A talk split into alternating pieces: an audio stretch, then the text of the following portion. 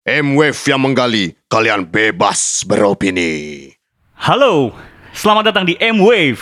Kali ini bareng gua lagi, Anto Arif, yang akan memandu episode M-Wave yang ke-47. Wis, bentar lagi gocap nih. Dan kali ini eh, perdana di M-Wave, gua Anto Arif akan memulai sesi perbincangan tentang seni rupa kontemporer dan selingkupnya dengan musik dan gaya hidup anak muda ya. Dan gue harus jelasin dulu sedikit bahwa eh, kita tahu ya musik dan visual itu nggak bisa dipisahin. Eh, banyak banget contoh-contoh dari dulu maupun belakangan bagaimana seni rupa dan musik itu saling berkelindan, asik, saling eh, mix gitu ya. Jadi bagaimana eh, kemudian visual itu melengkapi sebuah audio uh, sering kali dijadikan artwork sampul album sebuah band paling simple atau juga video musik yang dikerjakan oleh para seniman video mungkin. Juga bahkan live music yang kemudian direspon oleh seniman kadang-kadang ya. Ada juga hal seperti itu ya. Kalau kita mulai dari contohnya yang di dunia musik sudah terjadi di dunia musik populer itu ada kayak uh, Coldplay dengan Viva La Vida ini terinspirasi dari lukisan seniman Frida Kahlo dari ini nih eh, Meksiko kalau nggak salah ya. Kemudian juga ada Boulevard of Broken Dreams-nya Green Day. Itu juga terinspirasi dari judul yang sama dan yang terbaru mungkin ini um, The Strokes ya. Album terbaru The Strokes tuh ngambil dari lukisannya Jean-Michel Basquiat. Dan sementara di lokal kita lihat ada yang terbaru mungkin kolaborasi-kolaborasi berupa merchandise antara seperti Hindia dengan Muklai, kemudian ada juga Slank dengan Alip, juga Darbot dan Raisa yang bikin merchandise kaos, serta eh, beberapa yang agak lawas mungkin Sheila on Seven yang covernya eh, apa sebuah kisah klasik masa depan itu di- dikerjakan oleh duo indie go indie gorillas dari Yogyakarta dan masih banyak lagi. Tapi gimana jadinya kalau sekarang yang kita bahas itu adalah musisi juga yang sekaligus seorang seniman visual atau perupa. Ini dia. Kira-kira bakal ribet nggak sih? Um, terus tantangannya gimana? Terus cuannya gimana? itu ketawa paling, dia. itu paling penting tuh. itu paling penting ya. Oke, em, hari ini eh, kita tim M Wave mendatangi seorang solois nih, ini clue sedikit solois yang kemudian hijrah menjadi seniman visual Tanpa berjanggut dan ngatung ya. yang hi- yang kemudian eh, menjadi seniman kontemporer, pelukis. Dan kami menyambangi studionya di daerah Bilangan Jakarta Selatan, agak minggir dikit ya. Em, kita sambut aja nih ya. Eh, ini salah satu pelukis favorit gua yang sempat kerja bareng dulu di salah satu media yang gua bangun juga cukup lama bekerja bareng Yoi. dan sering gua teror. Kita sambut Abeng Alter. Halo, Wih. Kang Anto. Wih. Antrufang. Antrufang. Nggak, eh, orang lama yang tahu Antrufang nih. Oh, orang lama ya. Ya sekarang nggak nggak terlalu lama Mungkin sih tahu, namanya. iya. Yang tahu Sir Denny sedikit mungkin. Eh oke, Abeng, Ya. Al- Alter, Alter sih. Abeng Alter. Lupa. Abeng Alter, Alter, ya. oke. Abeng Alter. Iya. em, ini eh, pertama kalinya gua menyambangi studio lo dan mungkin pertama kali juga gua datang untuk ngobrol benar-benar soal Seni rupa. seni rupa Dan kontemporer. kita ya. lumayan lama ketemu sih, Kang. Terakhir apa nih, Kang? ya? Iya dulu dulu waktu eh, kita Terakhir banget kapan masih tuh? mengerjakan website bareng itu, Itu ya? website musik yang Dua tahun lalu mungkin? Ah, dua tahun lalu. Lama ya? Itu kita sempat ngomong ngobrolin beginian juga sih ya soal seni Iya, rupa, iya, iya, tapi iya, tentunya iya, tentang iya. si media musiknya itu Iya, ya. iya, iya, iya, iya. Dan ini juga tapi ketemu bener-bener terakhir juga kita dulu ketemu ya ngomongin yang itu Iya, sih. udah lama banget sih itu. Dan ada masih masih inget juga waktu itu gue baru mulai juga eh, apa transisi ke sini. Iya iya iya. ke eksplorasi visual terus waktu itu eh, Kang Anto juga baru lulus ya. Iya, ya kan iya. lu baru lulus Gua kan? lulus, Eh, iya, gua apa lulus. manajemen seni rupa ya? ya. Manajemen kuratorial dulu gua. Kuratorial. Ah, ah. Jadi kayak lumayan banyak nanya-nanya juga tuh dulu Kang Mhm, Anto tuh. mhm. Dan gue juga lihat kalau meeting Abeng udah mulai skate-skate nih buat Yeah. lukisan ini. Dan buat isi konten website tersebut pasti. Iya. Dan em, kemudian gue sering banget, gue sangat mengikuti lo Bang di Thank you, Instagram thank you. ya. Thank you. Dan gue lihat lo di perhelatan seni rupa juga kayaknya Ya. cukup semakin mengkilap nih namanya Azik. Pelan-pelan tapi dan, pasti. ah, Iya. Dan lo kemudian eh, bertemu dengan eh, lingkaran-lingkaran juga seru sih kalau gue lihat sampai Ya. gue juga lihat lo ketemu sama Om Edi Hara ya. Ah, iya, itu salah satu mentor awal gue juga sih. Oke. Gue banyak nanya juga sih ke Aha, beliau. aha, aha. Dan em, Om Edi, Om Edi juga nih menarik nih karena dia anak pang yang Iya, iya, iya, kemudian iya. jadi perupa ya. Iya. Oke, nah kalau kita ngomongin musik sama seni rupa, ini adalah sesuatu Ya. memang yang hal yang yang menarik ya karena tadi tadi itu dia saling bersinggungan, saling Ya. bers- ber- ber- ber- bersentuhan. Iya. Tapi mungkin yang agak jarang-jarang tapi sering juga adalah kemudian orang-orang yang bisa ada di dua area situ gitu. Iya, iya. Kayak lu kan lu kan solois tadinya ya penyanyi, Iya, ya. iya, iya. penyanyi Dan kemudian cukup lama di- lah ya di musik. cukup lama lo di musik dan lo dari ngeband, lo Hmm, terus kemudian solo, terus kemudian dan sebenarnya lo juga desainan grafis ya. Sebenarnya ya, sebenarnya kan gue lulusan DKV juga. Iya. Ada eh, S1 gue DKV Di mana gue lupa? di Binus. Oke di Binus. gue sempat bikin design house juga, produksi dan lain-lain, eh, mengerjakan beberapa cover album juga, musik eh, dalam konteks desain. Ah, oke. Ah. Wah, cuman menarik ya. Iya iya. Ah, ah, ah.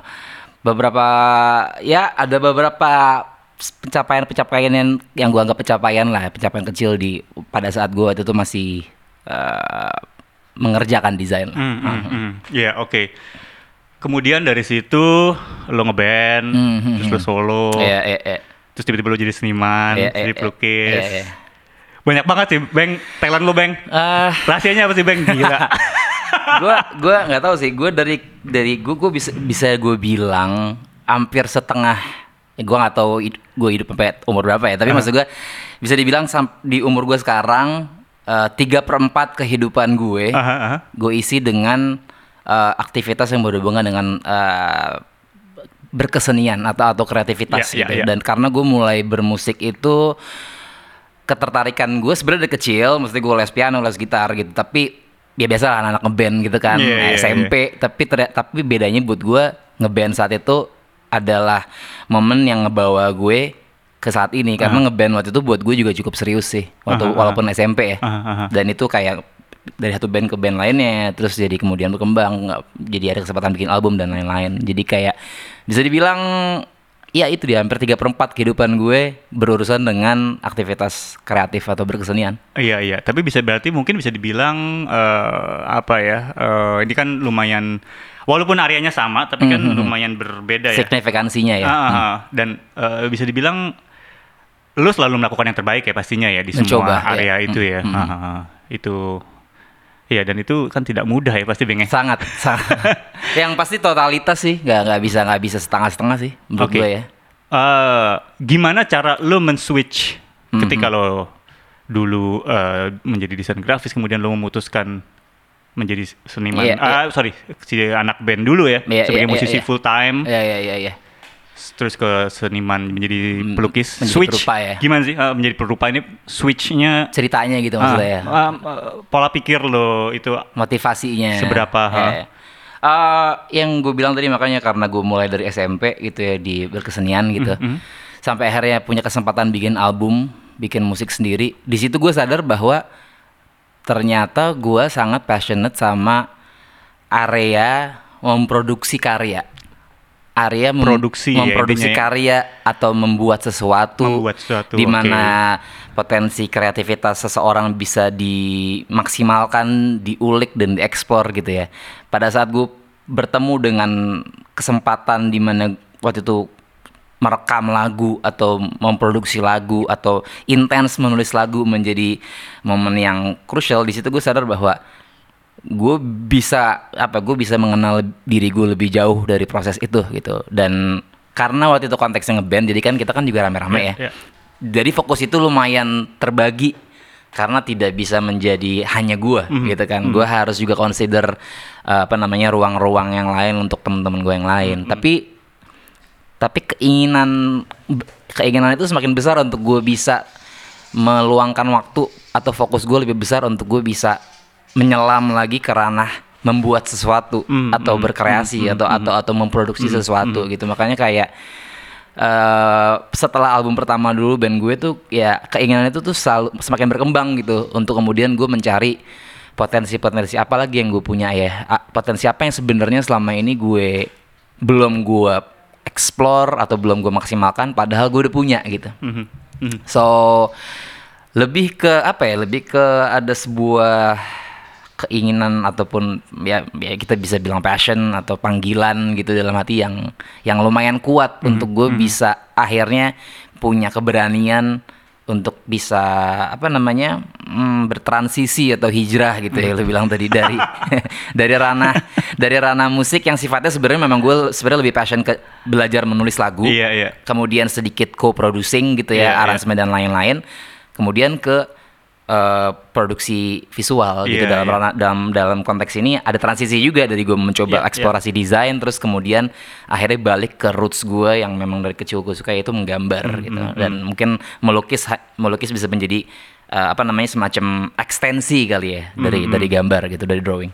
Mhm. Da- dan yang pasti kan sebenarnya gini, eh, ketika lu menjadi desainer grafis, ketika lu jadi musisi, Mhm. ketika lu jadi perupa, Mhm. pasti kan ada eh, audiens lo itu kan ada pergeseran audiens ya. Banget, banget, Apakah banget, banget. mereka itu kemudian tetap mengikuti lo Mhm, atau lo mhm. membuka pasar baru? Karena kan pasti ada aja kan orang-orang yang mana Iya, nih iya. Abeng Iya, sebagai iya, iya. musisi, Banget, banget, gue banget, kangen banget. dong dengerin Abeng nyanyi aura banget banget mungkin aduh atau apa ya sih gitu ya alhamdulillahnya sampai saat Gimana? ini sa- sampai saat ini alhamdulillahnya masih ada beberapa mungkin DM atau email yang masuk yang kayak menanyakan uh, apa namanya sepak terjang gue di musik Nah, lah gitu. nah. ap- ka- kapan akan keluar lagu lagi single dan lain-lain Ya, alhamdulillahnya ada. Tapi yang perlu diperhatikan juga kayak dalam transisi ini menurut gue fokusnya bukan mengenai siapa audiens gue sih. Mhm, mhm. Eh, yang yang cukup signifikan dal- dalam konteks ini adalah kayak transisi bagaimana gue bisa punya mindset di mana gue berkarya memang hanya untuk gue. Mhm, mhm. gitu. Karena kalau misalnya mungkin karena gue dulu lahir atau tumbuh besar di lingkungan musik yang masih memikirkan Ya, ya. eh, respon industri bagaimana terus eh, bagaimana membuat lagu yang mungkin mau diputar radio Ya, ya, gitu kan walaupun mungkin gue yakin juga ada beberapa teman-teman musisi yang mindsetnya ya gue bikin lagu ya buat gue ada juga gitu, seperti itu kan. Ya, tapi nggak ada yang bener salah ini masalah kutub aja Yes. masalah kayak preferensi. Cuman gue lahir dan tumbuh di lingkungan musik yang seperti itu. Itu satu. Kedua desain juga pun yang namanya desain kita ngomongin fungsi ya. Berarti eh, salah satu fungsinya adalah Ya. fungsi komunikasi Ya, ya, gitu ya, kan. Betul. fungsi komunikasi fungsi bagaimana kita bisa merepresentasikan secara visual ataupun secara uh, design thinking apa yang mau kita komunikasikan Iya, gitu iya, kan iya. kalau dalam konteks ini misalnya musik gitu. Iya, betul. bagaimana kita bisa membuat cover yang Mhm. uh, representatif dan mungkin eye catching juga buat siapa pun yang akan beli album Mhm, itu gitu. Kita ngomongin fungsi jadi tetap ada batasan gitu. Nah pada saat gue lari ke sini atau gue hijrah ke sini ke drawing ke seni rupa gue bener-bener belajar banget untuk punya mentalitas baru dalam berkarya gitu. Di mana kayak yang paling penting adalah eh lu berkarya untuk diri lu sendiri gitu. Lu berkarya untuk eh apa namanya ya ber- lu berkarya untuk diri lu sendiri. Terus bagaimana karya itu bisa relate ke lu. Karena itu yang kemudian akhirnya eh, ada semacam proses eh, apa proses mentransfer. Ya kita bisa bilangnya orang kalau ngeliat karya lukis kan oh ada jiwanya ya, Iya. atau ada energinya. Iya, iya. nah itu menurut gue cukup penting gitu di di ranah ini yang menurut gue salah satu caranya adalah gimana lu bisa membuat karya yang relate sama lu gitu Iya iya iya.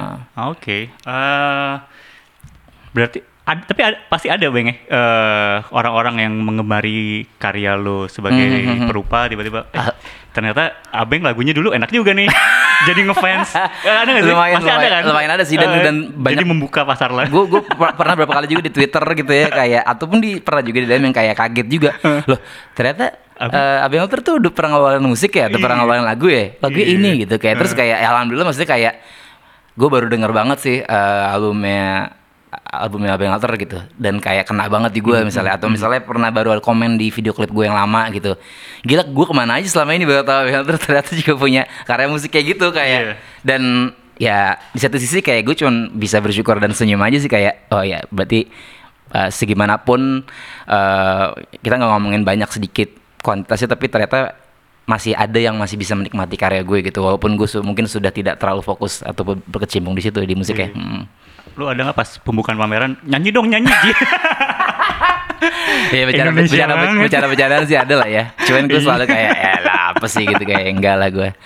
Oke. Hah? Iya gitu sih. Oke, em, gini, em, ketika lo, ya tadi ya, gue nyambung lagi ke, ke yang tadi ketika lo memutuskan untuk switch pindah ke ranah visual, Iya iya iya. iya. lo ada kontemplasi nggak sih ketika lo atau lo merasa wah kayaknya gue di musik gini-gini aja, mungkin ya Mm, gini-gini aja nih, terus Iya, juga iya, iya, iya, ngapain lagi ya? Iya, iya, Terus iya, gue mau sampai tua apa gue nyanyi di panggung Iya, gitu, terus iya. gue gini ya gitu. Ada, kon- ada A- kontemplasi yang banget, bisa lo ad- ceritain nggak sih? Ada banget sih momen-momen apa ya kayak momen-momen bisa dibilang salah satu momen-momen yang lumayan krusial dalam hidup gue untuk untuk berani ngambil keputusan kali ya. Iya, iya. Karena sebenarnya kalau gue terusin di musik, gue percaya gue masih bisa dan gue Oke. gue percaya apa pun itu perihal peluang, perihal pasar itu itu bisa diciptakan dan dan selama kita konsisten gitu kan. Tapi masalah konsistensi ini kan juga erat kaitannya dengan apa ya? Erat kaitannya dengan api di dalam diri ya. Oh, kayak kayak seberapa lu masih punya Iya api sih, itu iya. untuk membuat sesuatu Iya, gitu. iya, iya, iya, iya. Eh, karena menurut gua kalau misalnya lu hanya sekedar membuat Ya. Orang pasti akan bisa merasakan Iya, juga nggak maksimal Yes. ataupun hanya sekedar mengeluarkan sesuatu. Iya. ya buat apa gitu? Iya. Se- secara kepuasan dan dan dan secara kepuasan di dalam diri tidak dapat terus kemudian juga mungkin hasilnya nggak akan maksimal juga secara ya kita ngomongin secara cuan atau secara apa pun yang diterima di, di, di yang ekspektasi kita terhadap dunia luar gitu kan. Karena dalam dirinya juga udah nggak udah nggak 100% gitu.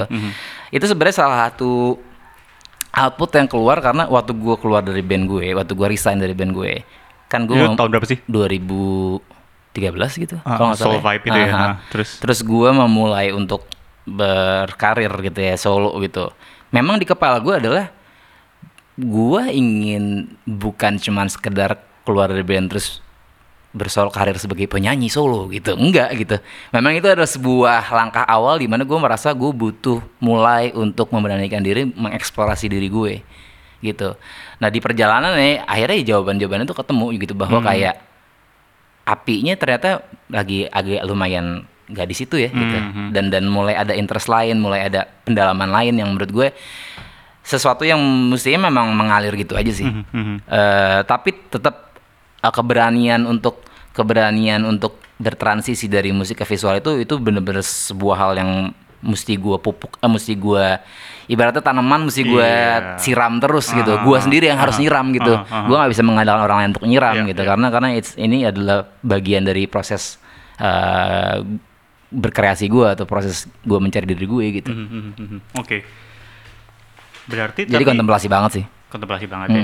Dan udah beres kontemplasi itu ya? Atau Eh, masih sampai sekarang? Enggak sih, kalau sekarang gue gue merasa jauh lebih ya gue menemukan apa yang gue cari sih Oh, paling enggak gitu ya. orang lebih walaupun Iya, nggak bisa berhentiin gue dari proses terus mencoba dan belajar dan kayak ekspansi kali ya Mhm, Oke, terus berarti kalau bisa dibilang lo sekarang melihat si seni visual, Mhm, seni rupa ini sebagai lukisan-lukisan ini sebagai medium yang emang lebih utuh bisa mengekspresikan ide-ide lo sekarang. iya iya. Iya, ide-ide lu- ataupun gue nggak gue mungkin nggak akan terlalu ngomong semuluk ide yang sifatnya intelektual apa gimana ya tapi Iya, lebih kepada gue gue percaya bahwa kayak setiap manusia itu perlu banget untuk bisa secara konsisten mengeluarkan apa yang ada di dalam dirinya gitu ataupun menge- mengekspresikannya karena ibaratnya sesimpel kalau nggak lu keluarin jadi jerawat gitu.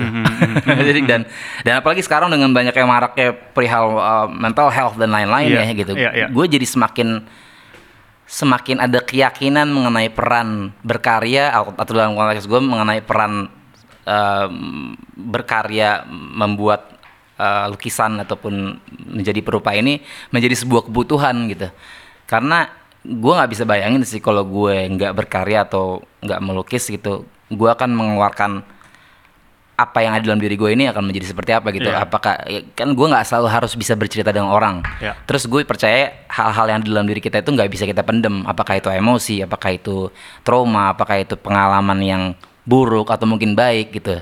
Jadi gue gue mulai melihat kanvas ini sebagai sebuah jurnal mungkin atau, atau catatan pribadi gue untuk merekam ataupun mengglorifikasi hal-hal yang penting buat gue di di setiap harinya Mhm. dengan perspektif yang I don't know, mungkin perspektif yang yang banyak mempengaruhi gue adalah perspektif-perspektif uh, yang sifatnya metafisik mungkin karena itu S2 gue gitu. Hmm, iya, Uh, iya. Jadi kayak lebih ke situ sih, tapi gue gue mencoba untuk sekarang ya, gue gue kesadarannya mulai tumbuh bahwa gue mencoba untuk berkarya dalam konteks dan perspektif yang sangat personal sih.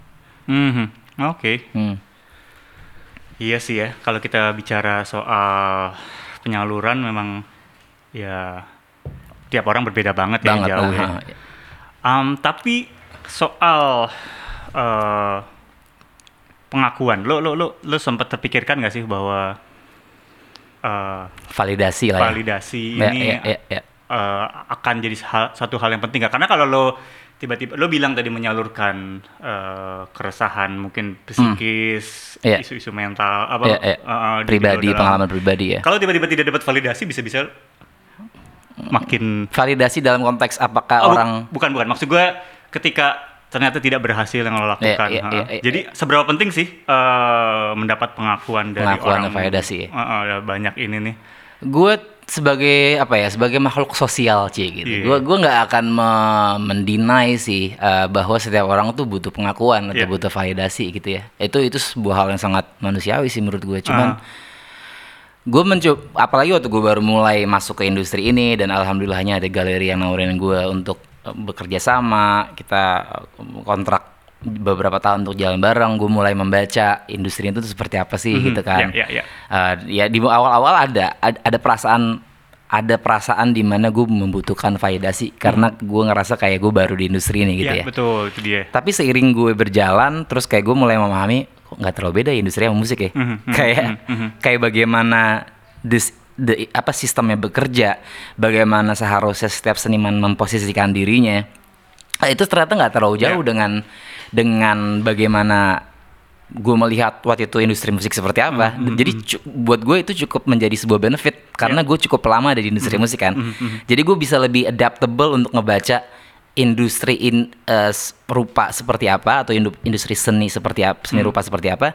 Jadi gue lebih mud- bisa dibilang alhamdulillahnya gue bisa lebih cepat untuk menyesuaikan gue mau menjadi yang seperti apa sih atau Ya. posisi gue di industri ini akan ingin menjadi seperti apa Ya. gitu. Lumayan cepat untuk gue adaptnya walaupun memang babak belur ya. Iya, karena iya. karena sekarang kalau lo lihat sosial media arusnya cepet banget, arusnya kencang banget, eh, komersialisme cepet ada di mana-mana gitu ya kan akan sangat mudah untuk punya mindset di mana oh gue harus menjadi seperti dia supaya ada ada project yang datang ke gue atau Iya. supaya gue lebih cepet dikenal atau gue Iya, harus bergaul sama iya. dia. Ah, itu maksudnya itu Iya. sesuatu yang penting tapi jangan sampai itu mendistraksi kesadaran lu sebagai seorang pengkarya gitu karena itu bukan bukan prioritas lu dalam sebagai seorang pengkarya Iya, gitu iya. itu hanya esensial itu Iya. pelengkap gitu tapi sangat akan sangat mudah sekali kalau kita nggak bikin kesadaran itu untuk kita terdistraksi gitu dalam proses berkarya gitu dan menjadi eh, dan berkembang sebagai seniman gitu menurut gue Hmm. hmm,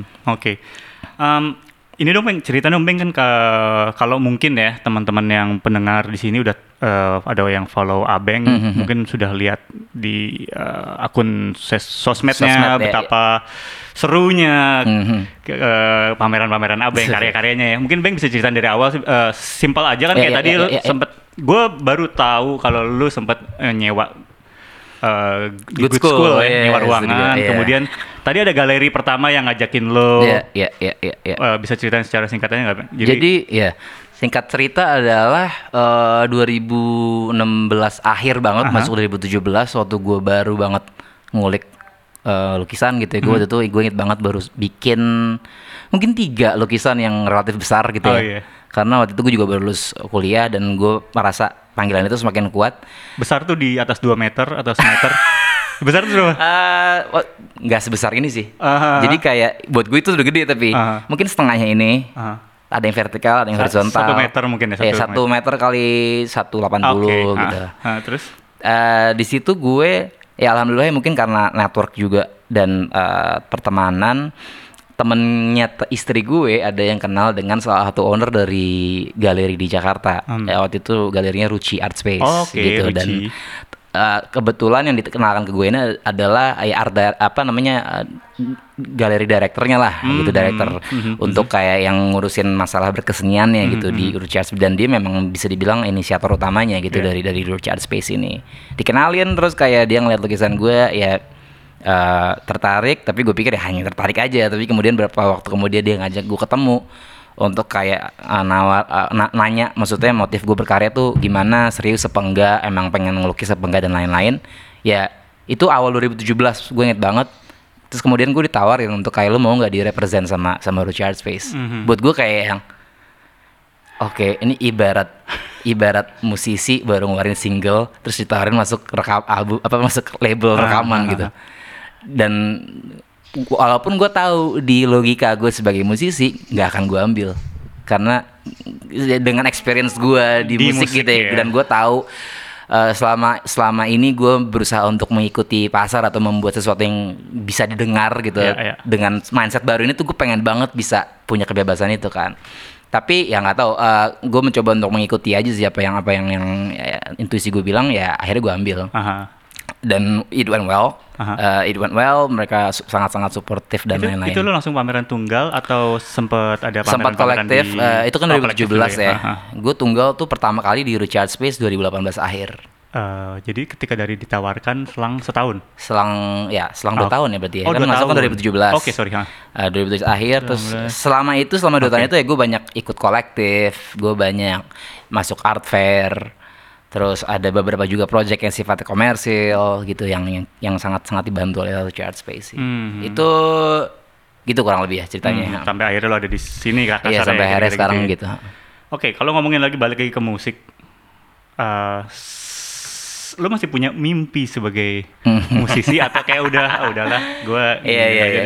Sebenarnya agak tricky sih kalau orang nanya, jadi lu berhenti apa yang musik ya? Atau kayak lu udah nggak ini? Gua nggak berani bilang gua berhenti ya. Aha. Karena ya lagi-lagi kalau gua ngomongin dalam konteks pengkaryaan atau memproduksi sesuatu itu se- ya selalu jadi passion gue dan Iya.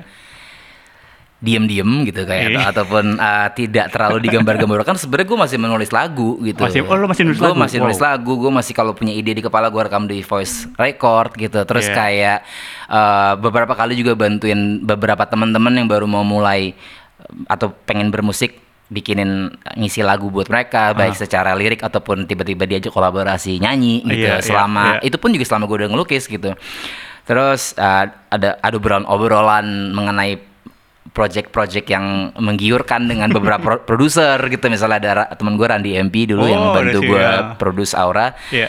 karena sekarang kita sepedaan bareng terus kita Ah. sering ngobrol juga ya Ran kalau misalnya kita bikin ini ini ini gitu jadi bi- dibilang berhenti musik mungkin enggak tapi mungkin kalau misalnya memang gue berkarya lagi di musik mungkin gue jadi nggak punya ambisi tertentu. Oke. ya kan? Terus gue juga mungkin punya kesadaran berkarya yang baru dan formnya bisa jadi macam-macam gitu. Kita nggak ngomongin hanya sekedar musik yang gue bikin lagu terus ye dengerin di Spotify atau apa. Maksudnya kayak gue bisa sangat-sangat bereksplorasi di baik karyanya ataupun cara penyampaian karyanya presentasi karyanya gitu. Apakah mungkin musik jadi eh, yang sifatnya esensial atau apa namanya make ah, bukan make up ya maksudnya additional di karya Ya, ya, ya. di karya gue karena itu juga sudah gue lakukan waktu di solo pertama gue. Eh, gue bikin instalasi eh, lampu gitu. Terus gue merasa membutuhkan musik. Mhm. nah musik itu akhirnya gue akhirnya gue produce juga. Hmm. gue produce dengan ada satu temen produser gue gue bilang gue punya ide kayak gini. Gue butuh musik yang rasanya seperti ini eh, sekian menit eh, mungkin gue udah ada waktu itu kalau nggak salah udah ada ide besar nadanya kayak apa bisa bantu gue untuk kembangin gak idenya untuk diproduksi jadi yang lebih lebih ideal gitu ya udah akhirnya musiknya itu melengkapi karya itu jadi kayak Ah. sebenarnya nggak berhenti gitu musiknya Iya, iya, iya. dan dan dan selalu se- kalau misalnya memang menurut gue cukup cukup relatif eh, relevan dengan apa yang mau gue bikin mungkin aja keluar lagi gitu Ya, ya, ya. Da- ataupun dalam konteks single ya single Iya, iya. sebagai konteks Iya. lagu atau apa Iya, ya iya. sangat sangat tidak tertutup lah kemungkinannya gitu Oke, dan Ini buat pendengar eh, Abeng yang bertanya-tanya, saya akan jelaskan kondisinya bahwa di sini ada speaker kecil, speaker audio kecil sebesar telapak tangan. Jadi ini mungkin Abeng masih mendengarkan lagu sambil bekerja ya. Ya, ya, ya. Walaupun nggak ta- tahu ta- ini speakernya nyala apa enggak, Taya Tio, gue bisa denger lagu ya. tapi ada speaker di sini, jadi masih ada kemungkinan Iya, lah. iya, iya. masih pengen sih gue, maksudnya gue masih pengen banget untuk ngeluarin lagu dan bikin sesuatu, tapi gue nggak punya ambisi tertentu dan lagi-lagi kan masalah waktu ya. Iya, iya, iya. Tang, kayak gue percaya kayak lu bikin sesuatu nggak bisa sambil lewat gitu. Oke. Maksudnya mu- idenya mungkin sambil lewat, Iya. eh, tapi untuk lu mengeksekusinya dan menjadikan itu lebih konkret, lebih ideal untuk dikomunikasikan ke siapa pun yang ingin menikmati kan juga butuh effort ya. Karena Iya. lu mau memberikan yang terbaik gitu, Oke, nggak cuma sekedar lewat gitu. Soal waktu nih, Em, kalau lo bilang waktu, berarti apakah lu pernah nggak ngelihat bahwa ya keseriusan lo sekarang ini Hmm, hmm, justru menjadi hambatan dalam lo Hmm, hmm. bermusik? Ah, Ya. ya karena kan ada Ya, masalah ya, ya, waktu. ya, ya, ya, Kemudian ya, ya. juga mung- awal-awal lo sempat berkarya dengan musik Ya, lo sendiri, ya, tapi ya, tiba-tiba ya. lo sekarang udah nggak memasukkan unsur musik itu di dalam karya Ya, lo. ya, gitu. ya, Nah, ya. Lo pernah ngeliat nggak itu sebagai sebuah hambatan? Hambatan, eh iya ada ada itunya sih kadang-kadang karena eh misalnya tiba-tiba gue ada beberapa ide lagu atau misalnya ada beberapa hal yang misalnya setelah gini deh, setelah waktu itu gue terakhir manggung di WTF ya 2000 2018 2017 atau 2018 Oh, pertengahan gitu. sempet ya, sempet Terakhir masih, itu, itu gue terakhir. Terakhir ya. itu gue lu bayangin kan gue nulis beberapa lagu hanya untuk manggung. Nulis beberapa lagu. Nulis beberapa lagu gue siapin terus baru, lagu baru. lagu baru. Oh. gue siapin uh, secara demonya yang penting cukup untuk masuk ke Ableton untuk sequencer secara aransemennya gitu ya. Itu gue bikin khusus buat karena gue pikir waktu itu gue ditawarin manggung gue baru ngeluarin single terus kayak gue ngerasa kayak gue pengen bikin lagu-lagu yang yang lebih relevan buat gue di saat ini gitu.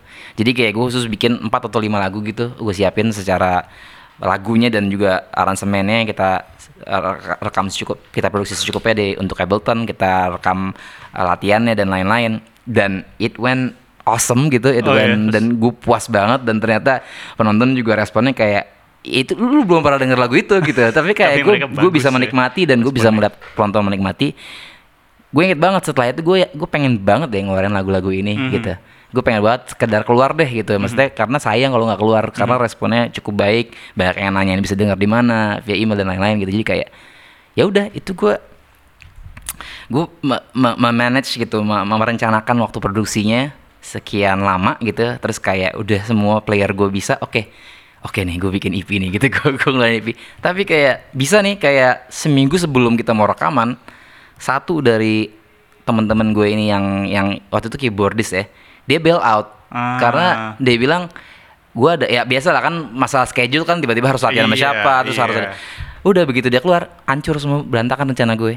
Jadi kayak Oke. itu perihal waktu buat gue kayak memang lu butuh waktu juga untuk mempersiapkan itu gitu. Mm-hmm, dan setelah gue melihat bahwa ini kalau lu bilang tadi lukisan sebagai hambatan ya gitu ya Mm-hmm. bahwa lu pernah gak sih melihat ini sebagai hambatan? Ya in a way mungkin iya hambatan. Tapi menurut gue kayak balik lagi bahwa lu harus tahu prior- prioritas lu apa gitu Mhm. you cannot you cannot do everything gitu apalagi kalau misalnya At once. ya, at once mungkin, ha. karena eh, kalau buat gue sih karena gue merasa gue relatif baru di dunia ini gue gue merasa gue masih membutuhkan bisa dibilang 100% porsi daya kreatif gue untuk di sini gitu Mhm. Eh, karena gue gue pikir gue masih baru dan gue nggak mau setengah-setengah Mhm. dan gue ingin at least mungkin kalau gue udah sampai di titik di mana gue ngerasa oke cukup di sini gue istirahat dulu nanti mungkin gue lanjut lagi mungkin gue akan ngerjain yang lain dulu mungkin musik gitu tapi untuk sekarang masalah hambatan yang ada perasaan oke sam- ngehambat ya itu terovercome dengan bahwa kayak lu harus fokus dan lu harus bisa 100% juga di sini serius gitu eh, membuktikan kepada diri lu sendiri gitu Mhm. Tapi lo lihat, menurut lo bisa nggak eh, seorang pelukis Mhm. sekaligus menjadi musisi? sangat bisa Sangat eh, kemudian berjalanan bersamaan. sangat bisa Sangat bisa. sangat bisa gue nggak bisa bilang nggak bisa karena menurut gue setiap orang punya momennya masing-masing setiap orang punya porsinya masing-masing Mhm, mhm. lu bayangin kalau Justin Timberlake eh sorry Justin Bieber Mhm, mhm. di umur yang segitu dengan pencapaian musiknya Mhm, ya kan Mhm. terus tiba-tiba dia quit musik mhm, dia mau ngelukis mhm. dia hilang di musik selama lima tahun karena dia fokus ngelukis menurut gua pada saat menurut lu pada saat dia ngeluk misalnya melukis dia oke lah sukses menurut lu pada saat dia balik ke musik dia akan jalan nggak musiknya Iya. Iya, kan? Dan menurut gue itu juga yang dibuktikan misalnya kayak beberapa seniman-seniman lain sih kayak banyak juga buktinya gitu yang menurut gue si siapa vokalis Incubus tuh Brandon Brandon dia pelukis loh Boyd. Oh ya benar. Brandon Boyd pelukis ya. gitu dan dan dan lukisannya juga nggak main-main eh di koleksi museum gitu jadi kayak Iya. eh, gu- dibilang bersamaan tuh jangan lo bayangin bersamaan dalam konteks kayak Sehari ngelukis, sehari manggung. iya, lu harus lu tetap Kusut harus gitu ya. tahu bagaimana me- gitu, iya memporsikan atau me- me- me- mengkompartemen proses kreatif lu eh, kapan, di mana, gimana dan banyak kayak nggak usah pelukis deh. Oke, Kita ngomongin dua signifikansi proses berkreasi yang berbeda deh antara antara musik dengan apa pun itu Ah, gitu ah, ya. ah, Apakah fashion atau apa ya. Kita ya Kanye West, Ah. ya Pharrell Williams. Iya, iya, Menurut iya. gue pencapaian mereka banyak sekali di luar musik gitu. Tapi Iya.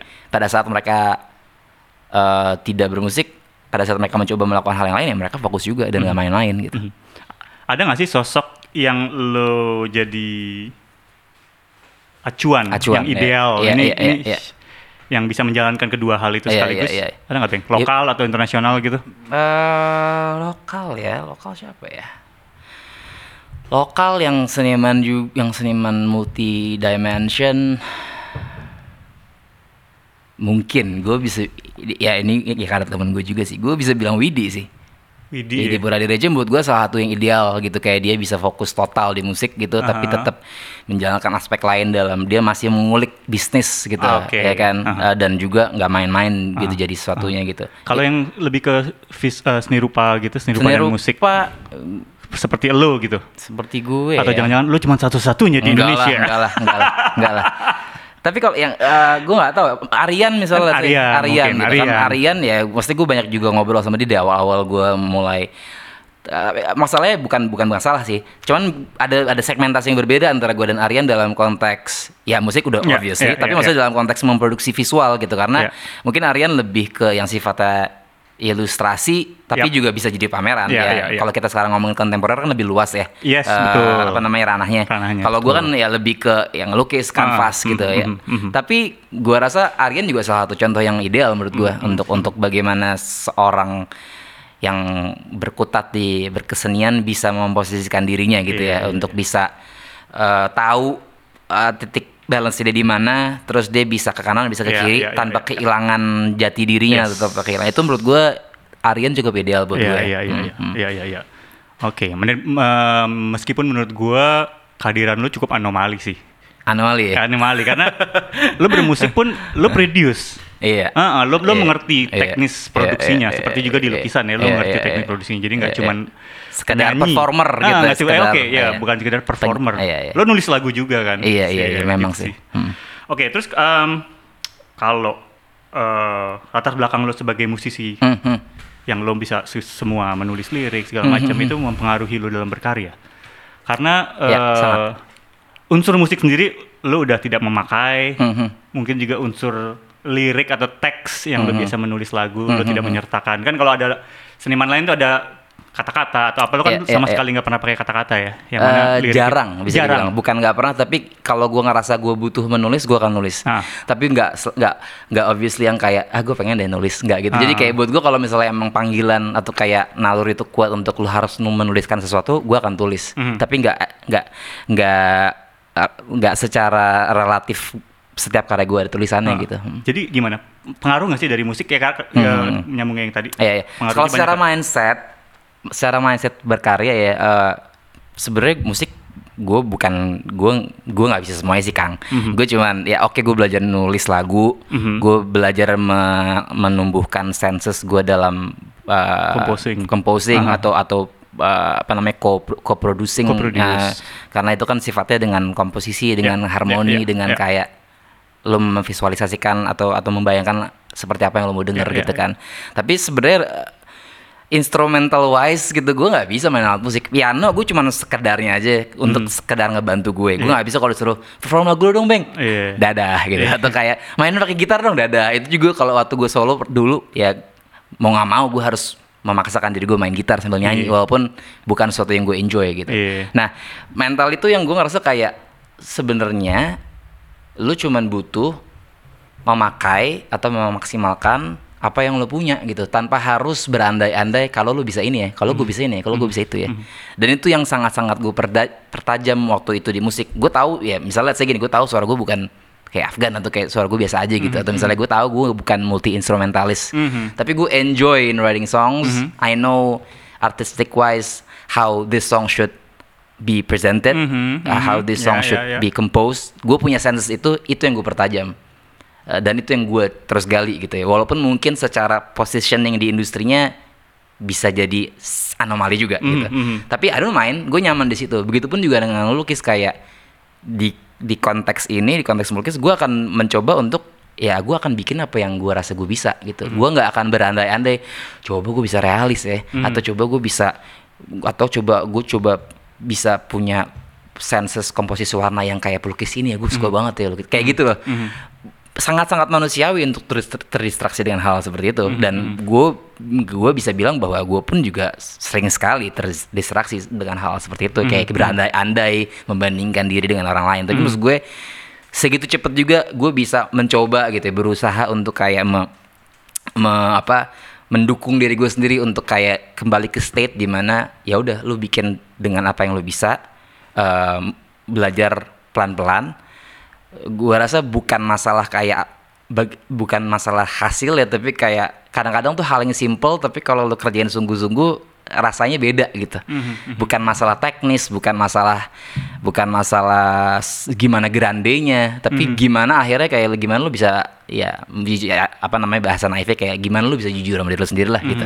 Dengan apa yang lu punya dengan keterbatasan lo ya udah maksimalin aja. Toh juga perkembangannya pasti akan organik buat lo gitu lu belajar dari situ dan lu tumbuh gitu Latar belakang musik lo ini mempengaruhi gaya yang lo pilih nggak kan? Hmm, hmm, hmm, eh, kalau gue lihat warna-warnanya Iya, iya, iya, iya, iya. poppy banget ya, Iya, iya, ngepop, iya, iya, iya. terus eh, agak kart bukan kartun ya, ya Ada abstrak dood- sih. doodleish ya, Iya, dood- doodleish, doodleish, doodleish ya, gitu abstrak, kan. iya.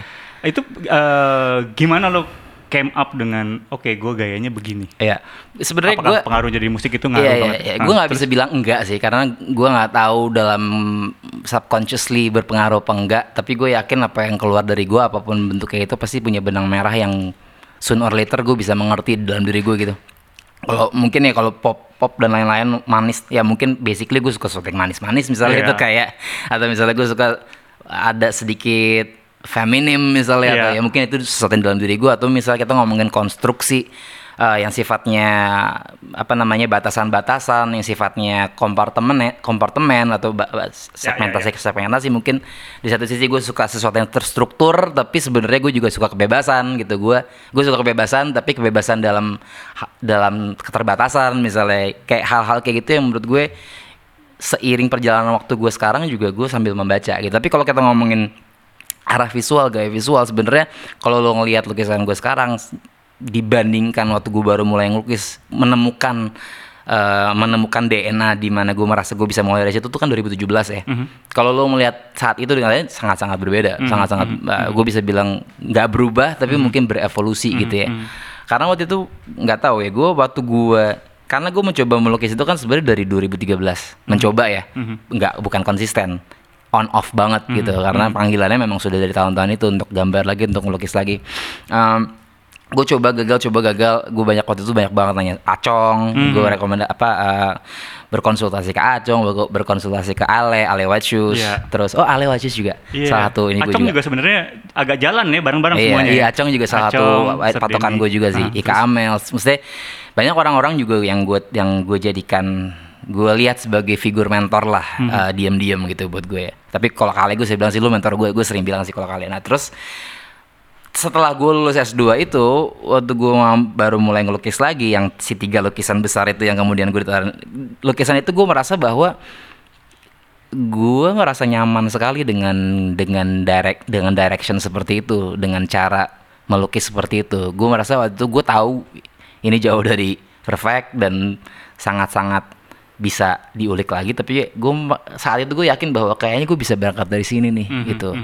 dan waktu itu memang lukisan itu sudah dominan dengan hal-hal yang sifatnya ada abstraksi di dalamnya. Iya. kemudian uh, dominan stroke di dalamnya stroke yang relatif tebal gitu kan. Tapi memang waktu itu tidak sebanyak ini warnanya. Em, eh tidak sebanyak ya tidak sebanyak ini komposisinya. Tapi maksudnya DNA DNA yang lu lihat sekarang itu sudah ada di lukisan-lukisan awal itu. Kemudian pada saat berjalan ya gue bertemu dengan banyak teman-teman seniman yang mungkin memberikan gue masukan lu coba eh, lihat ke sini deh bang mungkin ada sesuatu yang bisa lu ambil. Jadi mulai banyak influence influence ataupun referensi yang masuk yang sebenarnya sampai hari ini pun gue coba untuk menyaring lagi gitu. Kayak gimana gue tidak berhenti pada sebuah style atau yang wala- walaupun mungkin gue bisa bangga dan happy bahwa orang bisa bilang ini abang alter banget ya gitu kayak di satu sisi di satu sisi menyenangkan tapi you should know that gue nggak berhenti di sini loh gengs gitu gue gue iya. masih evolve terus dan gue, mungkin banget berubah lagi dan gue tidak mau terperangkap dalam glorifikasi orang memvalidasi gue Iya, iya. karena itu menurut gue sangat bahaya ya Iya. kalau misalnya kita terus me- me- mereproduksi hal-hal yang itu itu aja. Maksudnya mungkin lu bisa mempertahankan style itu in a way, tapi jangan lupa juga untuk kayak meluangkan ruang yang lain buat diri lu sendiri untuk tetap melakukan hal-hal yang ingin lu lakukan gitu, bukan cuma sekedar membuat hal yang orang harapkan gitu. Jadi kayak itu makanya gue tetap pengen nge-push diri gue dan gue secara sadar juga membatasi eh, mungkin tawaran-tawaran kolaborasi yang sifatnya komersil dan lain-lain. Gue cukup cukup eh, mengkurasi kali atau kayak cukup tahu batasan gue sendiri gitu. Untuk kayak secara komersial berkolaborasi dengan orang gitu karena gue tidak mau secepat itu orang bisa memfaedasi atau kayak dan secara tidak langsung membatasi gue karena ini loh Bang Alter gitu. Mhm, mhm. Kemudian kan eh, pastinya kan lu udah ada ma udah ada audiens ya, udah ada Mhm, market lo, alhamdulillah ya, udah ada orang yang mengkoleksi karya-karya lo ya. Alhamdulillah ya, Eh, Kemudian ini, ini ini standar yang biasa terjadi di musik juga nih, Mhm. ketika permintaannya akan begitu terus, Ya. lu sempat merasa gue sampai kapan ya gambar gaya ini terus yang mana ini yang Ya, ya, diinginkan ya, ya. oleh market lo mungkin gitu Ya, ya. ya, Kapan gue boleh ganti gaya? Karena kan iya. dunia kayak gini kan. Iya, iya, itu gimana gue gue ngerti sih kan di situ lumayan lumayan challenging sih yang mesti dipahami adalah kalau dalam konteks ini ya yang mesti gue yakini adalah audiens harus mengikuti gue karena gue yang bikin karyanya gitu Iya. walaupun memang dalam ada transisi di mana tahun lalu ya alhamdulillah di masa pandemi gitu ya mungkin orang banyak di rumah Mhm. dan nggak ke mana-mana jadi kayak mereka butuh sesuatu yang dilihat di rumah gitu ya jadi kayak cukup relatif ya gue sangat bersyukur di mana tanda kutip pesanan commission itu untuk kayak ngelukis di rumah tuh relatif lumayan nggak berhenti gitu ya iya. kemudian ada momen di mana gue merasa kayak oke eh, ini udah mulai nggak sehat nih buat gue Aha, Gua ya. udah mulai nggak sehat untuk orang berekspektasi sesuatu ke gua dan mesen lukisan ke gua karena dia tahu lukisan gue seperti ini Iya. gitu tapi cara gua ngakalinnya adalah em gue pelan-pelan aja sih kayak gue tahu gue tetap butuh mencari titik imbang itu dalam bentuk kompromi gitu ya kompromi Yes. itu dalam artian bukan bukan kemudian kehilangan idealis ya Ya. tapi lebih kepada lu tahu memposisikan diri dan tahu gimana caranya lu tetap bisa mengontrol apa yang lu mau dan lu bisa mengontrol eh, tetap pu- bukan mengontrol lu tetap punya otoritas besar terhadap ke mana karir lu berarah gitu jadi kayak kemarin misalnya terakhir ada tiga commission personal commission personal orang gitu tiga tiganya gue punya pendekatan yang berbeda Mhm, dalam gue mengeksekusinya mhm.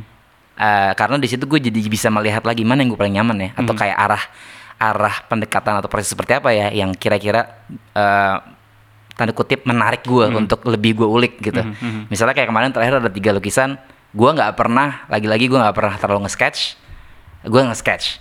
Oke gue sketch gue coba yang ini nge-sketch gitu kan. Mhm. ini nge-sketch udah ada terus kayak kemudian udah ada eh, let's say semacam perencanaannya warnanya seperti apa itu satu. Kedua yang sama sekali gue nggak ada nggak ada preparasi Mhm, ya kan?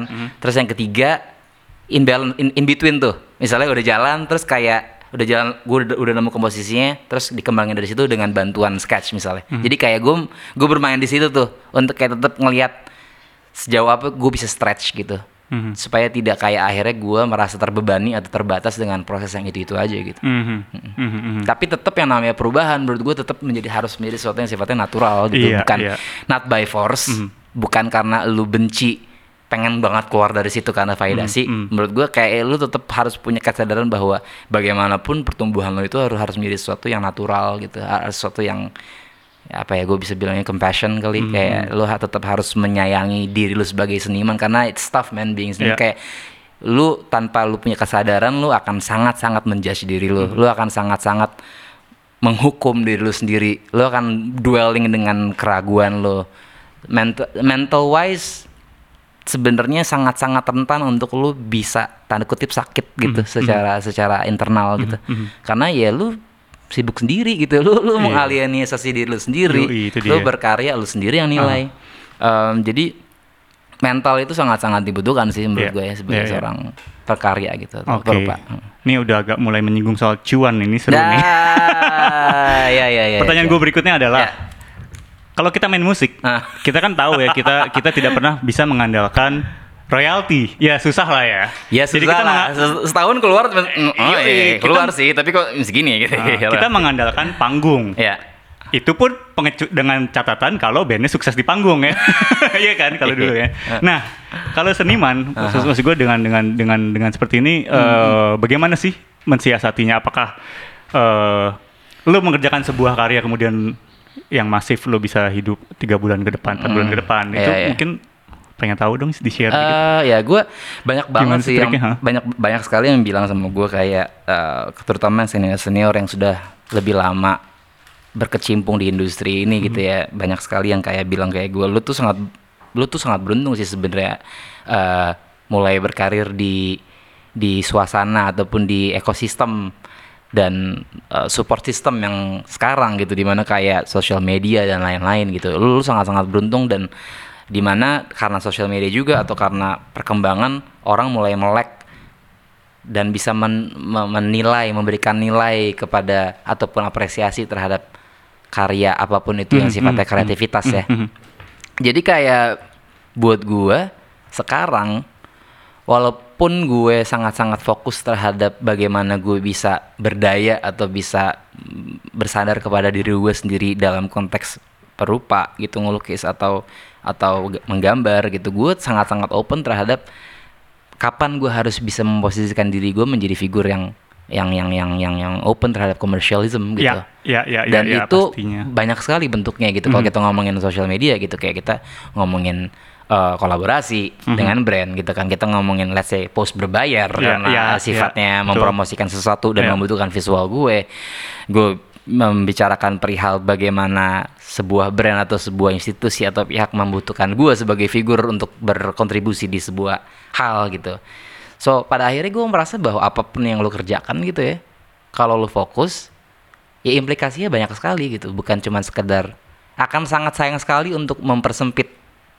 perspektif lu untuk lu ingin sekali bisa menghasilkan dari satu hal yang lu kerjakan gitu Betul. karena menurut gue kayak gue percaya pada saat lu memang bisa fokus dan mempunyai keberanian gitu ya untuk kayak apa namanya menggali sebuah hal yang memang itu menjadi eh, apa namanya pemberian dari yang maha pencipta gitu Mhm. gue rasa banyak sekali yang akan hidup Mhm.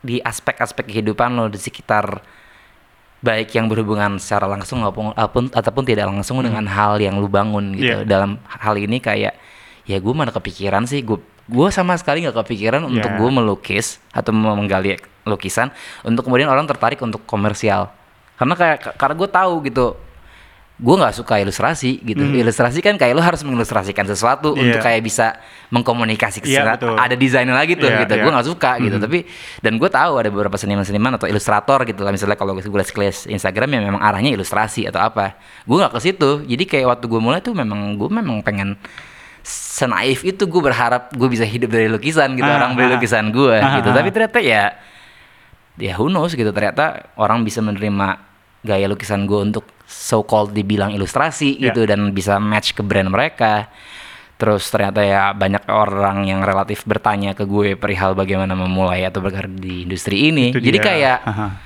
ya itu sih kayak banyak hal-hal yang yang sangat gue syukuri sih yang yang gue nggak terlalu karena bisa dibilang gue tuh sebenarnya bukan orang yang terlalu ambisius ya Mhm.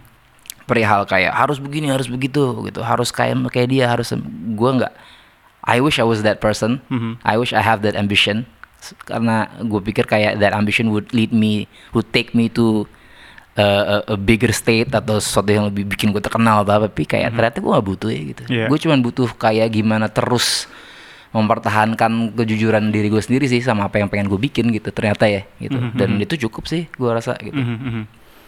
Tapi artinya eh, gi- gimana tuh? Lu Tadi belum menjawab pertanyaan gue yang kalau soal musisi kan mengandalkan manggung. Oh, ya. iya. Ah, ah. Jadi Ya, itu tadi. sedikit rahasia dapur. banyak eh, gini gue di pada saat gue masuk ke industri ini gue tadi karena tadi gue sudah mulai mengerti mengenai bagaimana memposisikan diri di industri musik sekarang di di di industri ini pun secara sadar gue memposisikan diri gue untuk bagaimana gue bisa berada di tengah antara bereksplorasi di ranah fine art Hmm. dan tetap membuka opportunity terhadap sesuatu yang sifatnya commercial hmm, commercialism hmm, gitu hmm. karena gini maksud gue gue mencoba juga membandingkan ya Hmm. ada seniman yang memang doyannya ngegoa aja di studio Iya, gitu melukis, Melukis terus oh, ya. kayak nggak terlalu peduli kayak apa yang sedang di luar dan lain-lain gitu tapi ada juga seniman yang sangat-sangat open terhadap kolaborasi Iya. kolaborasi terus komersial terus Iya. dan tidak memang tidak ada sebuah pang, bukan maksudnya tidak ada se- kecenderungan untuk kayak mengulik karya untuk untuk- atau bereksplorasi atau membuat sesuatu yang eh, berinovasi dan berkembang dari apa yang sudah dia bikin gitu karena memang dia memposisikan dirinya seperti itu gitu kan Ya, nggak ada yang salah gitu jadi ada yang sangat komersial ada yang sangat bisa dibilang idealis gitu Iya, iya.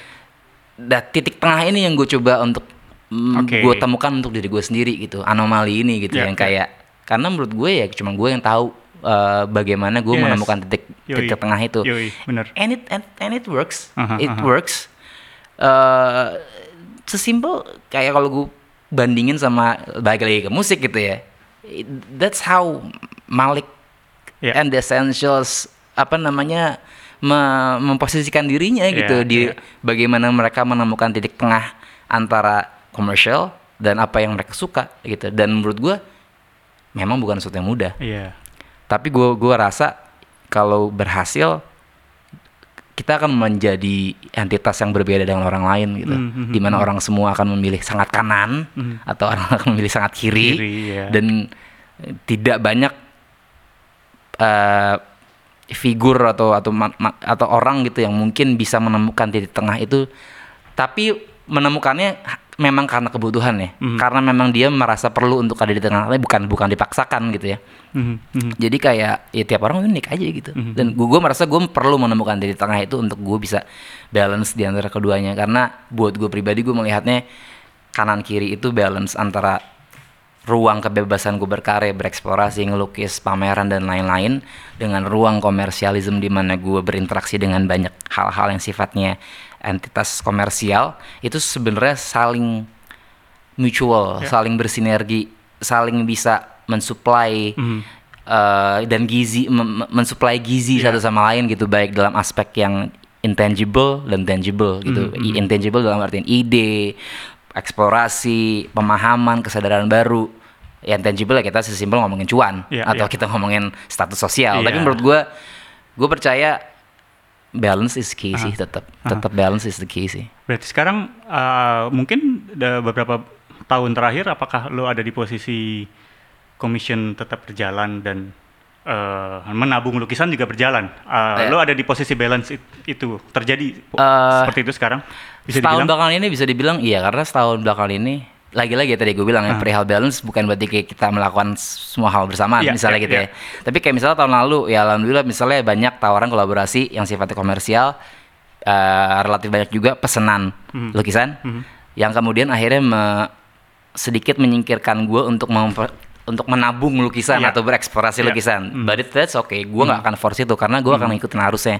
Tapi the, akan ada waktu di mana gue merasa oke ini saatnya gue untuk bereksplorasi lukisan lagi, Hmm. eh, ngumpulin karya lagi, menggali tema-tema atau menggali kesadaran-kesadaran baru lewat lukisan gue, di mana gue akan secara sadar juga akan membatasi apa pun yang masuk ke gue, baik dalam tawaran kolaborasi ataupun pesanan lukisan. Hmm, hmm. Jadi kayak gitu tuh kayak menurut gue itu salah satu bentuk cara gue menemukan keseimbangan gue gitu Mhm. dan nggak tahu kenapa momennya memang selalu pas kayak misalnya tiba-tiba bukan tiba-tiba memang di akhir tahun kemarin ke pertengahan tahun ini misalnya gue harus nyiapin buat solo solo kedua gue di Mhm. Jogja gitu misalnya dan gue memang butuh fokus gitu. akhirnya gue me- membatasi eh, pesanan komersil atau eh pesanan eh, lukisan atau misalnya yang sifatnya tawaran kolaborasi komersil minta rate card dan lain-lain itu ya itu gue batasin Iya, gitu karena iya, gue nggak iya, mau iya. terdistraksi jadi kayak itu sih masalah kesadaran momen itu juga adalah bagian dari cara gue untuk bisa membalance gitu Mhm, Oke. Iya, iya, iya. Em, Oke, ini udah hampir di penghujung sih ya kita ngobrol ya. Berapa jam ya enggak, enggak, enggak panjang. nggak nyampe oh, lumayan lama tuh Iya lumayan. Tahu, gue pengen tahu nih. Buat buat buat berikutnya lo ada rencana apa sih? Apakah ada eh, project musik atau masih Iya, di iya, 2021 ini lo masih fokus dengan berkarya Mhm. di area Di kontemporer 2021 ini? ini, ya, yang pasti musik belum masuk agenda gue. Oke. musik belum masuk agenda gue top notch walaupun selentingan-selentingan obrolan wacana sih ada, Ada, tapi ya, ada kayak terus ya. belum dalam konteks lima besar gitu. loh. Iya. Eh, masih tahun ini sih kebetulan memang gue eh, sampai pertengahan tahun ini lah gue akan fokus di solo kedua gue Aha. semi residensi gue akan solo di Jogja dan ada semi residensi di sana Kapan tuh? Eh solonya openingnya Juli jadi mungkin gue residensi sebelum sebulan sebelumnya. Misalnya kayak ini gue ada gue harus nyiapin 10 karya tapi mungkin ada satu atau dua karya yang gue selesaiin di sana sambil gue bisa mungkin studio visit ke beberapa seniman yang yang gue idolain belajar dari mereka dan lain-lain. Jadi sampai pertengahan tahun ini mungkin gue masih akan fokus di pengkaryaan kemudian juga setelah itu masih ada beberapa pameran. Ada beberapa tawaran kolaborasi yang sifatnya komersil yang gue hold Eh, dan gue minta gue tertarik tapi boleh nggak baru mulai Juli misalnya atau boleh boleh nggak baru mulai Mei misalnya di setelah gue 95% siap dengan solo gue. Jadi kayak hal-hal itu yang gue coba manage sih supaya nggak tumpang tindih dan eh, memecah eh, menjadi distraksi gitu ya dalam proses pengkaryaan Oke. Ah, jadi jangan bersedih ya buat yang menunggu karya musik Abeng Alter. semoga Semoga, semoga, ya, semoga. Tapi apa pun bisa terjadi kan, iya apa pun. dong, Itu iya kan dong. yang di Iya, atas ya. Iya, iya, iya. Banyak kok tabungan di voice note, Kan, iya. tabungan lagu. Nggak tahu kapan ngeluarinnya tapi. Oke, eh, terima kasih banyak nih buat eh, para pemirsa sudah menyimak ya. Eh, Terima kasih banyak Kang. Terima kasih banyak juga buat Abeng yang udah ngizinin kami datang untuk Senang sekali. ke studio lihat-lihat ngobrol-ngobrol. Sukses terus buat ke depannya. Sama-sama. Ditunggu karya-karya lo, apa pun itu. Pokoknya produktif terus Amin. aja, Beng. Amin. Pasti gue akan selalu support. Thank you Kang. Untuk kalian semua, para pendengar, jangan lupa terus dengerin M-Wave lainnya di Spotify, SoundCloud, Apple Podcast, dan website mvibe.id sendiri. Sampai jumpa lain kali di obrolan-obrolan seni rupa kontemporer dan sekitarnya bersama saya Anto Arif. Ah, dan dengan ini saya Anto Arif mengatakan undur diri. Sampai jumpa lain kali. Dah.